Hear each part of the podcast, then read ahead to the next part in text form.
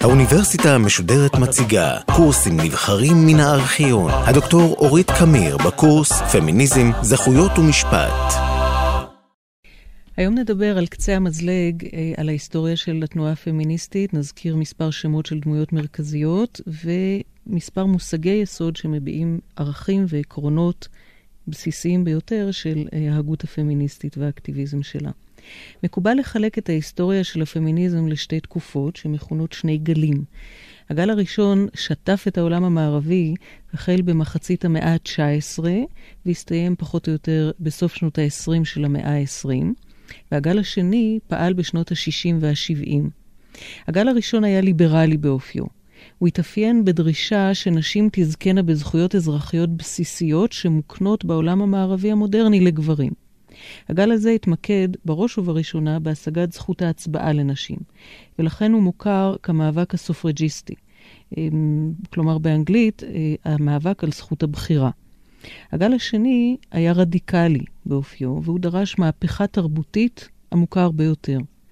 נשים במחצית השנייה של המאה ה-20, שכבר נולדו לעולם שבו הם נהנו כמובן מאליו מזכויות פורמליות שוות לאלה של גברים, דרשו מהפכה במבנה העומק הבסיסיים ביותר של המבנים הפטריארכליים.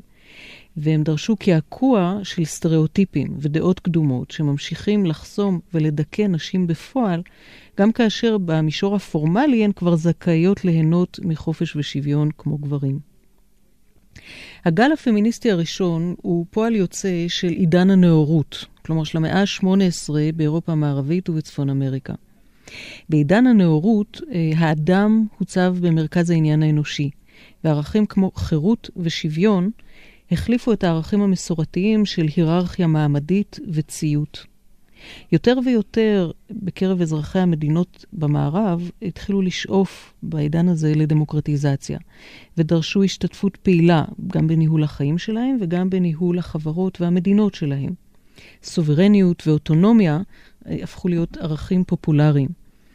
התהליכים החברתיים האלה הגיעו לשיא הדרמטי שלהם ברבע האחרון של המאה ה-18 בשתי המהפכות ששינו את פני העולם המודרני, המהפכה האמריקאית ומיד אחריה המהפכה הצרפתית. האידיאולוגיה הליברלית, שהיא תוצר מובהק של עידן הנאורות, הגדירה את האדם לא רק כמרכז העולם, אלא כיצור רציונלי, תבוני, כיצור אוטונומי, וכמי שנולד בעל זכויות מוקנות להגדרה ולמימוש עצמי. לפי ההשקפה הזאת, שהיא עדיין אבן היסוד של התרבות המערבית גם היום, כל אדם יכול וזכאי, כמעט חייב, להגדיר את עצמו, את המטרות שלו, את השאיפות שלו, את תכליתו, את עושרו, והוא זכאי להשתתף בקבלת ההחלטות שנוגעות בהסדרת חייו הפרטיים והציבוריים. החברה והמדינה הפסיקו להיתפס כמוסדות קדושים, שעל הפרט לשרת כמיטב יכולתו, וההפך, התחילו מעכשיו להיתפס כמי שנועדו לשרת את הפרט ולאפשר לו לממש את מירב העושר שלו כפי שהוא עצמו בוחר להגדיר אותו. על רקע המהפכות הדרמטיות האלה בתפיסת העולם, האדם והמדינה, קל לתאר ולהבין את הפמיניזם הליברלי של הגל הראשון.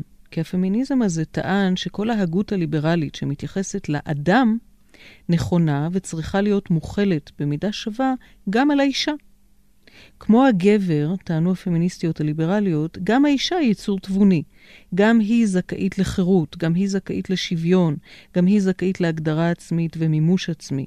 נשים, כמו גברים, זכאיות להחליט מה טוב עבורן. זכאיות להשתתף כשוות בקבלת ההחלטות הקבוצתיות שנוגעות לגורלן. נשים, כמו גברים, זכאיות להצביע בבחירות למוסדות המדינה, להיות מיוצגות בפרלמנטים, לחשוב, להישמע ברבים, לרכוש השכלה, לרכוש מקצוע, לעבוד מחוץ למשק הבית, להשתכר שכר למחייתן ולהיות בעלות רכוש. בקיצור, נשים, טען הגל הראשון של הפמיניזם, הן בנות אדם כמו גברים. מהפרספקטיבה שלנו, של המאה ה-21, נדמה שהטענות האלה הן כל כך מובנות מאליהן וטריוויאליות, שאין צורך לטעון אותן, וקשה להעלות על הדעת שאדם משכיל וליברלי במערב ירצה לחלוק עליהן. ולכן חשוב לי מאוד להזכיר ולהדגיש שבמחצית המאה ה-19, כשאנשים התחילו להעלות את הטענות האלה ברצינות, הן נתפסו כמטורפות. הן נתפסו כקיצוניות ונלעגות, והן נתקלו בסירוב מוחלט מקיר לקיר. וזאת למרות שגם הפמיניסטיות הפעילות ביותר לא העזו לערער על המחויבות הבסיסית והראשונית של נשים למשק הבית ולגידול ילדים. הם בסך הכל ביקשו להוסיף על כך גם את הזכות להיות בנות אדם. היום כמעט קשה להאמין, אבל הסופרג'יסטיות בארצות הברית ובאנגליה נזקקו ל-70 שנה 70 שנה של מאבק מר ועיקש ונלעג, שכלל הפגנות ומאסרים ושביתות רעב ופעילות חתר... חתרנית, והצבעה בלתי חוקית בכוח שאחריה הם נעצרו, והרבה הרבה קיתונות של בוז ושנאה של הציבור הרחב, של נשים וגברים, של בעלי כוח ושל האוכלוסייה הרחבה, עד שהן הצליחו להשיג את הזכות הבסיסית להשתתף בבחירות לפרלמנטים. המניפסט הפמיניסטי הליברלי הראשון שדרש הכרה שיטתית בנשים כבנות אדם, התפרסם באנגליה על ידי אישה בשם מרי וילסטון קראפט, כבר בשנת 1792. כבר אז טענה וילסטון קראפט שנשים נולדות בנות אדם תבוניות וחופשיות ושוות ערך לגברים, וזה רק החינוך המדכא ושטיפת המוח, מלאת הסטריאוטיפים, והאפליה החברתית, השיטתית והקשה שמצרה את צעדיהם, כל אלה הם אלה שהופכים את הנשים ליצורים בלתי משכילים ונטולי ביטחון עצמי שבאמת מתקשים להשתתף בהליכים אה, חברתיים מורכבים. תחשבו על זה 150 שנה מאוחר יותר, כשסימון דה בובואר פרסמה בצרפת את המין השני, היא חזרה ואמרה אותם דברים, וגם כעבור 150 שנה הם, הם נתפסו עדיין אה, מקוממים וקיצוניים וראשוניים ומהפכניים. ג'ון סטיוארט מיל, הוגה הדעות החשוב ביותר של האידיאולוגיה הליברלית וגם חבר פרלמנט באנגליה, חשב בדיוק כמו מרי וולסטון קראפט, שהליברליזם מכיל בחובו בהכרח גם פמיניזם. ובשנת 1869, ביחד עם בת הזוג שלו, הריאט טיילור, הוא פרסם חיבור חשוב ברוח זו שנקרא דיכוי הנשים. אם מרי וולסטון קראפט וג'ון סטיוארט מיל יכולים להיחשב כמבשי התיאוריה של הפמיניזם הליברלי, הרי שהפעילות הפעילות הפמיניסטית הפוליטית התגבשה ובאה לידי ביטוי מובהק ביולי 1948, במניפסט הפמיניסטי שהתקבל על ידי כנס פמיניסטי ראשון בסנקה פולס במדינת ניו יורק בארצות הברית. המסמך שחובר על ידי שתי הפעילות הפמיניסטיות האמריקאיות המובילות של התקופה, אליזבת קיידי סטנטון וסוזן בי אנת'וני, קבע אה, באופן דומה מאוד להכרזת העצמאות האמריקאית, שלפי חוקי הטבע, נשים זכאיות לחירות ושוויון מלידה, כמו כל יצור אנושי, ושזו זכותן וחובתן של נשות ארצות הברית להבטיח לעצמן שוויון חברתי שכולל את הזכות להשתתפות פעילה בבחירות לבתי הנבחרים. המסמך הזה אושר אחרי התלבטות קשה מאוד ופיק ברכיים לא קטן של משתתפות הכנס, ועורר תגובה חריפה של זעם ולעג מקיר לקיר. למרות שהשנה הייתה שנת אביב העמים והעולם המערבי היה מוצף במהפכנות חברתית ורדיקלית ופרוגרסיבית, החברה האמריקאית לא הייתה בשלה לקבל את הדרישה של הנשים להכרה בהן כאזרחיות אה, שמשתתפות באופן ממשי אה, בחיי המדינה. ולכן מסמך סנקה פולס הביע אומץ ונחישות אמ, של נשים שידעו שהן אה, עומדות להיות מוקעות כקיצוניות וחריגות, והוא ראוי להיחשב כצעד הממשי הראשון בפעילות הפמיניסטית האקטיביסטית להשגת זכויות אזרחיות. ועם כל זה, נשות ארצות הברית השיגו את זכות הבחירה רק בשנת 1920. כלומר, אחרי תום מלחמת העולם הראשונה. 70 שנה אחרי הצהרת סנקה פולס, ובאנגליה רק בשנת 1918 אה, הוענקה זכות הבחירה לנשים מעל גיל 30, ורק ב-1928 לנשים מעל גיל 21, כלומר לכל הנשים כמו לכל הגברים. כלומר, 136 שנה אחרי הפרסום הראשון של הספר הפמיניסטי של מרי וולסטון קראפט. המאבק על הזכות הבסיסית לבחור לא היה קל ולא היה קצר. אחרי שהושגה זכות הבחירה, הארץ שקטה 40 שנה. המטרה המוגדרת ביותר של המאבק הפמיניסטי הליברלי הושגה, והתנועה שקטה ונדמה. יותר מזה, בכל אחת ממלחמות העולם, כשהגברים נלקחו לחזיתות המלחמה, הנשים יצאו לשוקי העבודה ותרמו למאמץ המלחמתי. אבל אחרי כל אחת משתי המלחמות, אנשים נקראו לחזור הביתה ולמלא את התפקיד הפטריוטי של, שלהן על ידי פינוי מקומות העבודה עבור גברים שמשתחררים מהשירות הצבאי, וכינון תאים משפחתיים יציבים שיאפשרו לטפח דור עתיד ולגדל ילדים. בשנות ה-50 המיתוס של עקרת הבית המאושרת הגיע לשיאו, ונשים, רובן ככולן, שיתפו איתו פעולה וזנחו את האקטיביזם החברתי ואת הרוח המהפכנית. יותר מ-40 שנה חלפו מאז השגת זכות הבחירה, עד שנשים אמריקאיות התחילו להודות בפני עצמן שהשגת זכות הבחירה לא פתרה את כל הבעיות שלהן, ושקידה על טיפוח בית וגידול ילדים הם לא בהכרח תמיד מתכון לאושר ומימוש עצמי לכל אישה באשר היא. כך הגענו לשנות ה-60, שהיו תקופה סוערת ורדיקלית במערב, והאווירה התוססת שבתוכה התפתחו מהפכות סטודנטים ותנועות זכויות אזרח והמאבק לקידום מעמדם של השחורים בארצות הברית והמהפכה המינית, אמ, האווירה הזאת הצמיחה גם את הגל השני של התנועה הפמיניסטית. אנחנו מדברות עכשיו פחות או יותר על הנכדות של הגל הראשון. בשונה מהגל הראשון הליברלי, הפמיניסטיות של שנות ה-60 לא הסתפקו בזכויות פורמליות ולא ביקשו הכרה כיצורים תבוניים, כלומר כתואמות גברים. הפמיניזם של המחצית השנייה של המאה ה-20 קרא לנשים להביט אל תוך עצמן, אל המציאות של החיים שלהן, ולהגדיר לעצמן מהן המצוקות הייחודיות שלהן כנשים, וקרא להן לחולל את השינוי המתחייב כדי לפתור את המצוקות הללו. תהליך ההתבוננות העצמית מכונה העלאת מודעות, consciousness raising באנגלית, והוא התבצע באופן ספונטני במפגשים של נשים שישבו ושוחחו בקבוצות על החיים שלהם, על הקשיים שלהם, על התסכולים שלהם. במפגשים האלה של גילוי והשתפכות ותמיכה הדדית, גילו נשים שרבות מאוד מהן לא שואבות סיפוק ואושר מהתפקיד המסורתי של ניהול בית וגידול ילדים. נשים גילו שרבות מהן מרגישות חסומות ומתוסכלות ומדוכאות בשאיפות המקצועיות שלהן, ואלה מהן שיוצאות לשוק העבודה נתקלות בגילויים של קיפוח ואפליה. אלה שמנסות לשלב בין ניהול בית וקריירה קורסות תחת הנטל, ולא זוכות להשתתפות מצד בן הזוג בניהול הבית. הן מרגישות אשמות שהן לא מצליחות אה, להיות מושלמות בכל התחומים.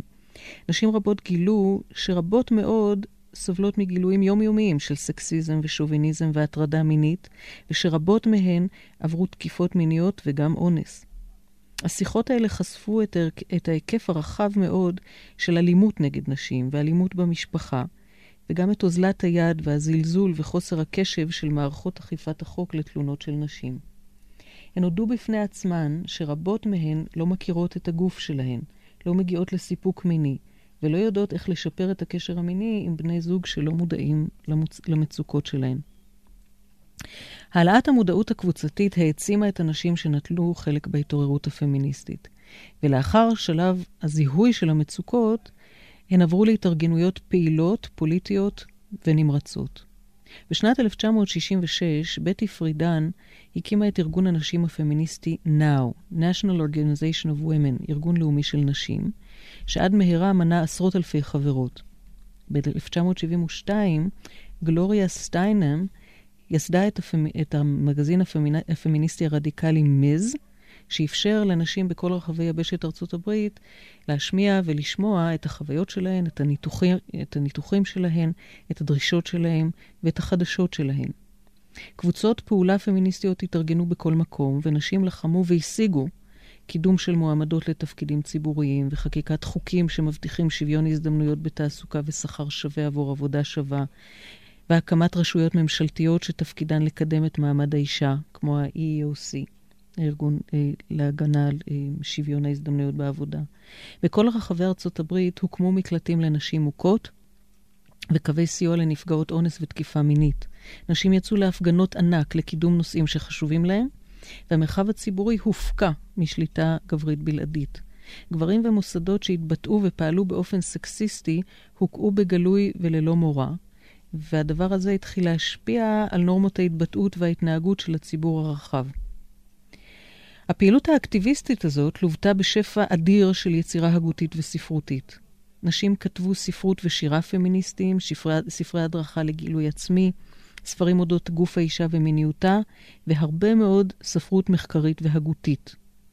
הוגות פמיניסטיות, ובין הראשונות ראוי לציין את קייט מילט ושולמית פיירסטון, פנו לחקור יצירה נשית, חיים של נשים, קשיים של נשים בתקופות היסטוריות שונות, הישגים של נשים, דיכוי של נשים. חוקרות פמיניסטיות ניתחו בצורה ביקורתית את הקאנון הגברי בכל תחומי הידע והדעת האנושיים, וחשפו את מנגנוני הדיכוי הפטריארכליים. אוניברסיטאות הקימו מסלולי לימוד ומחלקות שעוסקות בלימודי נשים ומגדר. בשונה מהפמיניסטיות של הגל הראשון, הפמיניסטיות של המחצית השנייה של המאה ה-20 לא חשבו שמצוקת הנשים תיפתר על ידי הכלה של זכות ספציפית שכבר נתונה לגברים. הבעיה הייתה המסגרת הפטריארכלית, והפתרון לכן חייב שינוי עומק, חינוך מחדש אה, וטיפול בסיסי בכל מה שמכונן ומנציח את הסטריאוטיפים של נשים מול סטריאוטיפים של גברים. ולכן הן בחרו לבדוק מן היסוד את הנחות היסוד של החברה ואת המוסדות החברתיים החזקים ביותר, לרבות הזוגיות ההטרוסקסואלית, מוסד הנישואים, הקשר המונוגמי, גידול ילדים, השפה. למשל, אידאל היופי נחשף על ידיהן כאידאל שכופה על נשים התעסקות בלתי פוסקת בהופעה, רגשי נחיתות ואשם תמידיים, אביזרי לבוש מעיקים ומזיקים, כמו עקבים גבוהים למשל, ודיאטות נצחיות שפוגעות בשמחת החיים של נשים.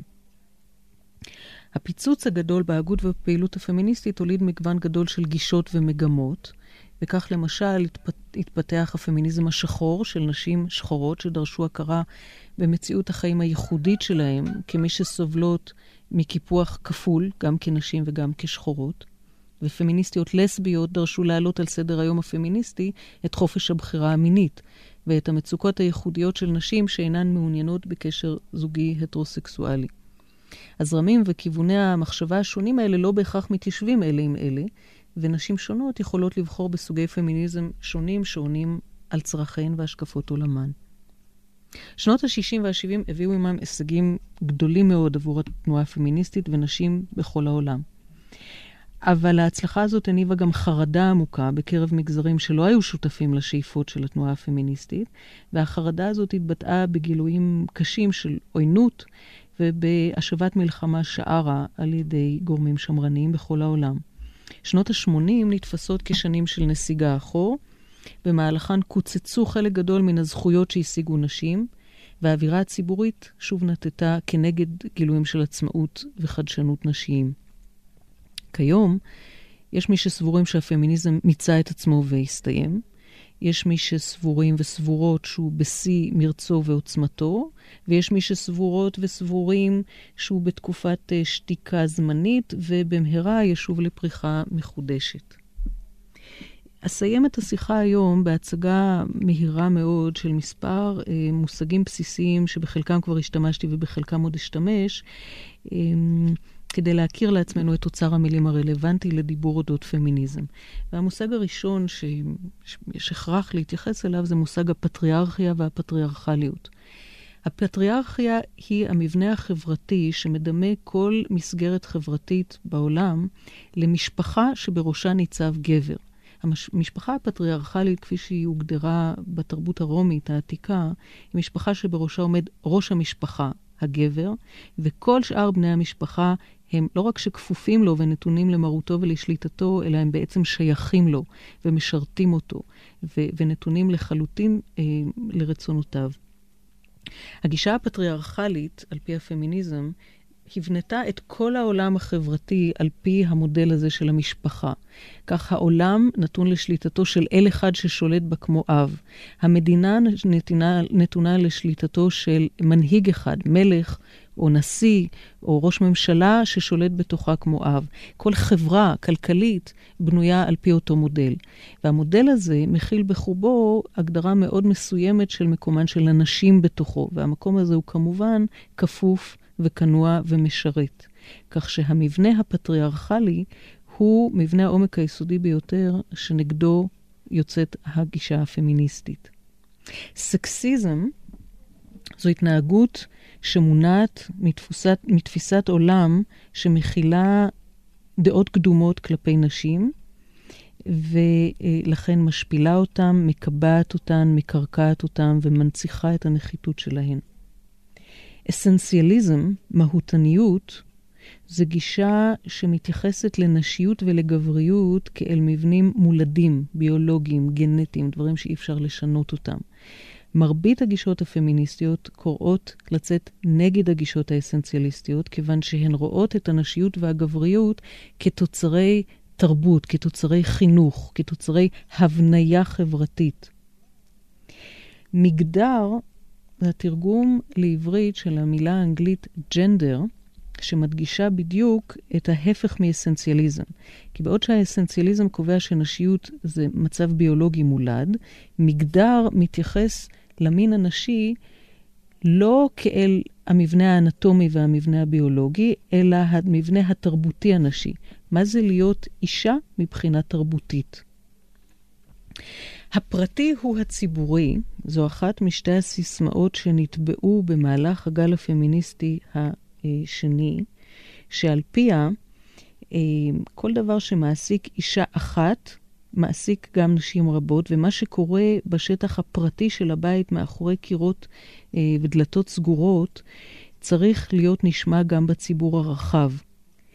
הסיסמה הזאת מתקשרת לסיסמה השנייה, שהיא האישי הוא הפוליטי, כלומר כל דבר שמעניין אותי באופן אישי, יש לו גם משמעות פוליטית לנשים בכלל, לציבור הנשי הרחב ולחברה האנושית בכלל.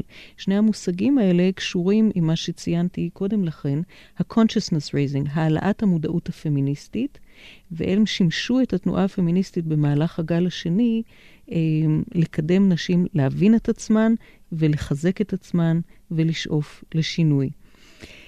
בשיחה הבאה נעבור לדבר על תחום ספציפי אחד מתוך ההגות והאקטיביזם הפמיניזם שקשור בנשים במשפט, בזכויותיהן של נשים, ונתמקד אה, בהרבה ממה שהצגתי עד עכשיו בהקשר המסוים של עולם המשפטים.